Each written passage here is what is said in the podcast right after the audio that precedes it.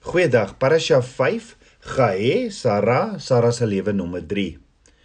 In die week se Haftara gedeelte sien ons in 1 Konings 1 vers 16 tot 17 die volgende en Betseba het gebuig en neergeval voor die koning. Toe sê die koning: "Wat wil u hê?" En sy antwoord hom: "My heer, u het by die Here, u God, vir u dienares gesweer, u seun Salomo sal sekerlik na my koning word en hy sal op die troon sit." Met ander woorde Betseba het gebuig en neergeval, shaka voor die koning. En net so moet ek en jy mos ook voor ons koning buig en neerval in nederigheid en ontzag en hom aanbid en ken in alles. Ons het ook gesien hoe Eliezer op die grond neerval en Abba Vader aanbid, shaka toe Rebekka hoor en toe Rebekka hoor hoe bid Eliezer het sy agtergekom Hierdie man is 'n diensknegt van Abraham en sy was so opgewonde sy het huis toe gehardloop om haar familie te vertel.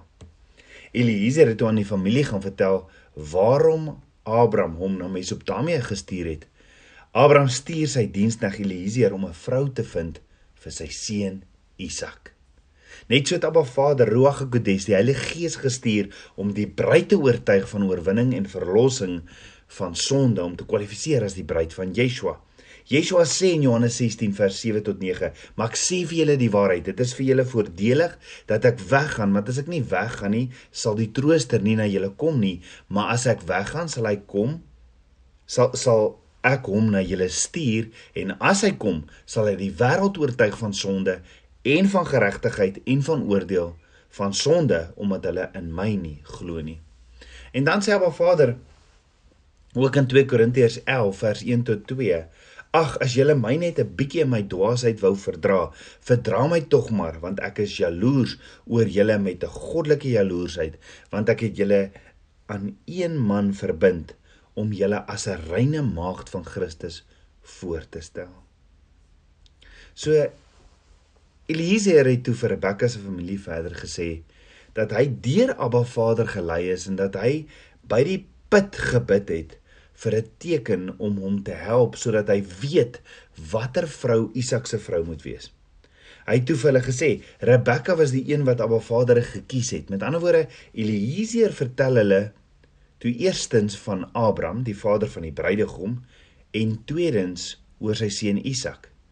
Net so het Yeshua ook vir ons 'n trooster in die vorm van die Heilige Gees gestuur wat getuig van Abba Vader soos wat ons wag vir ons bruidegom om terug te keer en ons oortuig van ons sondes. Eliezer se naam in Hebreëus beteken helper of ook trooster. En Eliezer moes dus die bruid Rebekka troos en vir haar geskenke gawes gee tot sy die bruidegom Isak van aangesig tot aangesig ontmoet het. In Johannes 15 vers 26 sê Yeshua die volgende oor die Heilige Gees of die Trooster: "Maar as die Trooster gekom het wat ek vir julle van die Vader sal stuur, die Gees van die waarheid wat van die Vader uitgaan, sal hy van my getuig." Nou Eliezer het vir Rebekka geskenke gegee, onder andere twee armbande en 5 sikkels goud elk. Nou 5 is die getal van genade, onverdiende guns. En die Heilige Gees is ook bekend as die Gees van genade. Maar hoor gou, wanneer ons as voornemende bruid Yeshua as ons bruidegom, die Messias aanvaar, kom die Heilige Gees in ons as bruid se hart in en dan ontvang ons die gawes van die Gees as geskenke. In 1 Korintiërs 12 vers 7 tot 10 sê Paulus: "Maar aan elkeen word die openbaring van die Gees gegee met die oog op wat nuttig is." Want aan die een word deur die Gees 'n woord van wysheid gegee en die ander een 'n woord van kennis van weer dieselfde Gees. Aan 'n ander word weer geloof deur dieselfde Gees en aan 'n ander genadegawes van gesondmaking deur dieselfde Gees, aan 'n ander werking van kragte, aan 'n ander profesie, aan 'n ander onderskeiding van die geeste, aan 'n ander allerlei tale, aan 'n ander uitleg van tale. So onthou Isak het ook met 10 kamele Rebekka kom haal. Dis vir wie sy water gegee het. In Yeshua se gelykenis as die bruidegom sy bruid kom haal, praat hy in Matteus 25 van die 10 maagde. 5 was wyf, wys en 5 was onwys.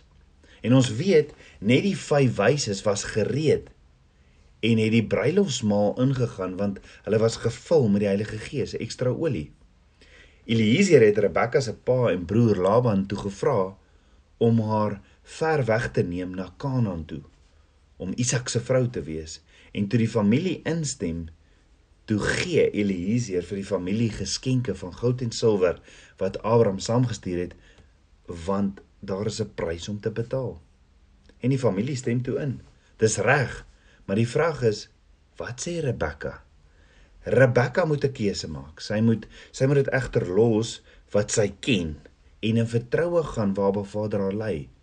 En dis presies wat ons as diensbare bruid ook moet doen.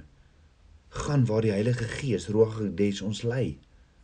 So hoor gege Rebekka met hierdie diensbare hart deur om vir Eliezer water te gee, asook vir sy kamele en om hom te nooi na huis toe. Ek dink nie sy het besef sy is so so naby om haar bruidegom te ontmoet nie. Nee, sy was net diensbaar van hart. Rebekka het nie iets gedoen om raak gesien te word deur 'n bruidegom nie, maar in haar dienswerk het Abba Vader voorsien want Abba Vader ken die toestand van haar hart. Net so dink ek ons besef nie hoe naby is ons bruidegom om ons te ontmoet nie. En die vraag is is ons diensbaar? So as jy kyk na hoe dit gewerk het in die Bybelse huwelik, dan sien jy die Bybelse huwelik het bestaan uit 'n verloving, 'n seremonie en 'n bruilofmaal. Nou die verloving begin wanneer die bruidegom bruidegom se vader of die vader se vriend die geskryfde huweliksverbond of in Hebreëus die ketubah na die huis van die bruid neem en dit vir haar aanbied. Dan by die bruid se huis het hulle gepraat oor die huwelikskontrak wat bestaan uit 3 dele, onder andere eerstens die prys wat betaal moet word vir die bruid. Nou die prys was 'n was 'n indikasie van die bruidegom se liefde vir die bruid en kan gesien word as die belangrikste deel van die huwelikskontrak. Die vader van die bruidegom het die finale sê wanneer dit kom by die prys wat betaal moet word vir die bruid. Nou Abraham het Eliezer gestuur met 10 kamele gepak met allerlei kosbare goed en gesê in Genesis 24 vers 8: "Maar as die vrou jou nie wil volg nie, dan is jy ontslaaf van hierdie eed aan my." Net so in Getsemane het Yeshua se sweetdruppels verander in bloed oor die prys wat hy vir sy bruid, vir my en jou moes betaal. En omdat die prys vir die bruid was, was 'n indikasie dat die bruidegom lief was vir haar. En die prys wat Yeshua vir sy bruid betaal het, was sy bloed en sy lewe. Dit word bevestig deur Petrus wat sê in 1 Petrus 1 vers 18: Omdat julle weet dat julle nie deur verganklike dinge, silwer of goud losgekoop is uit julle ydelle lewenswandel wat deur die Vaders oorgelewe is nie, maar deur die kosbare bloed van Christus, soos van 'n lam sonder gebrek en vlekkeloos. So by die bruid se huis weet ons het het hulle gepraat oor die huwelikskontrak wat bestaan uit 3 dele. Eerstens die prys wat betaal moes word vir die bruid. Dan waarna ons gekyk het, dan tweedens wat in hierdie huwelikskontrak gestaan het, die beloftes wat die bruidegom aan sy bruid maak. Jy sien in die Bybelse huwelikskontrak het daar gestaan dat jy haar sal ondersteun en haar eer, haar lei in die waarheid vir haar klere en kos sal voorsien en al haar behoeftes voorsien en in harmonie leef met haar as sy bruid. In Genesis 24 vers 53 staan: Daarna het die dienaar silwer en goud goed en klere uitgehaal en dit aan Rebekka gegee, ook aan haar broer en haar moeder het hy kosbare geskenke gegee. Net so sê Yeshua in Matteus 6 vers 28 en wat kwel julle julle oor klere. Let op die lelies van die veld, hoe hulle groei. Hulle arbei nie en hulle spin nie en ek sê vir julle dat selfs Salomo in al sy heerlikheid nie bekleed was soos een van hulle nie. As God dan die gras van die veld wat vandag daar is en môre in 'n oond gegooi word so bekleed, hoeveel te meer vir julle klein gelowiges. En dan ook sê Paulus in Filippense 4 vers 19 en my God sal elke behoefte van julle vervul na sy rykdom in heerlikheid deur Christus Jesus.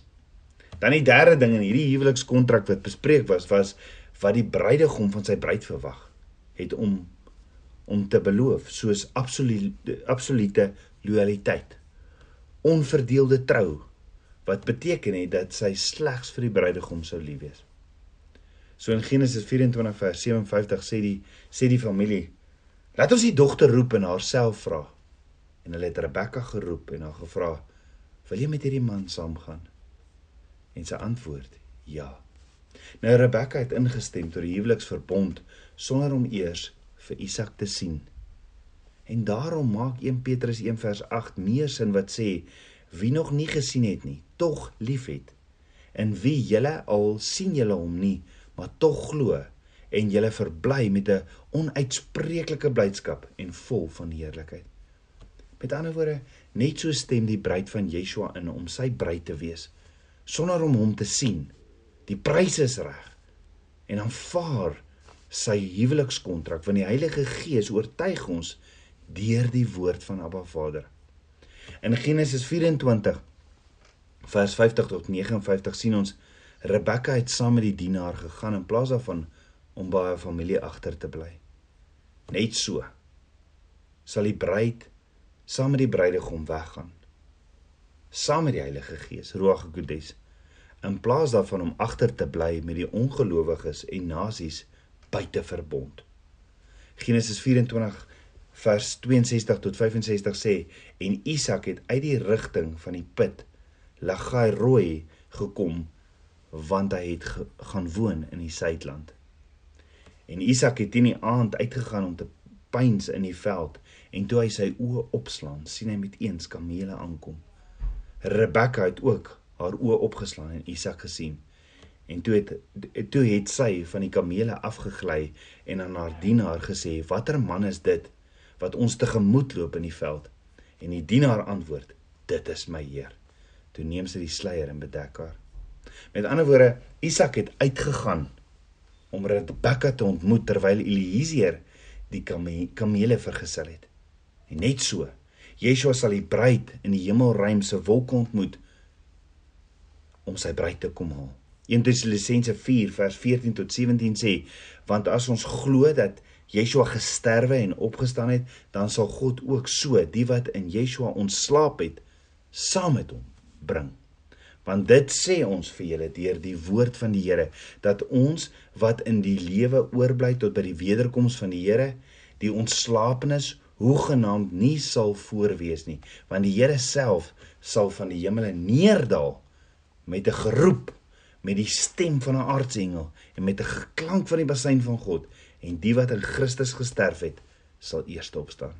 Daarna sal ons wat in die lewe oorbly, saam met hom, saam met hulle in wolke weggevoer word, die Here tegemoet in die lig en so sal ons altyd by die Here wees.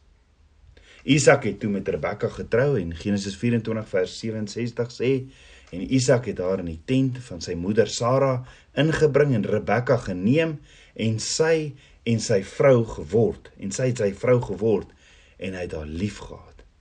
So Isak dan getroos Isak is getroos na die dood van sy moeder. Net so trou Yeshua die net so trou Yeshua die bruid as die ge gerestoreerde huis van Israel, die verenigde Israel soos genoem in Romeine 11. En die vraag is, is ek en jy deel van die bruid? Het jy al geantwoord op dit wat die bruidegom verwag van sy bruid? Het jy al jou bruidegom Yeshua absolute loyaliteit, onverdeelde trou wat beteken dat jy slegs vir hom Yeshua sal lief wees beloof? Die keuse is nog joune. Kom ons bid saam. Aba Vader, skieper van my hart, ek loof en prys U. Vader, dankie, dankie vir U liefde.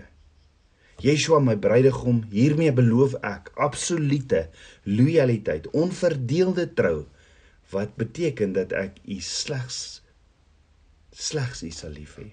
U is die koning van my hart, meer en meer van u.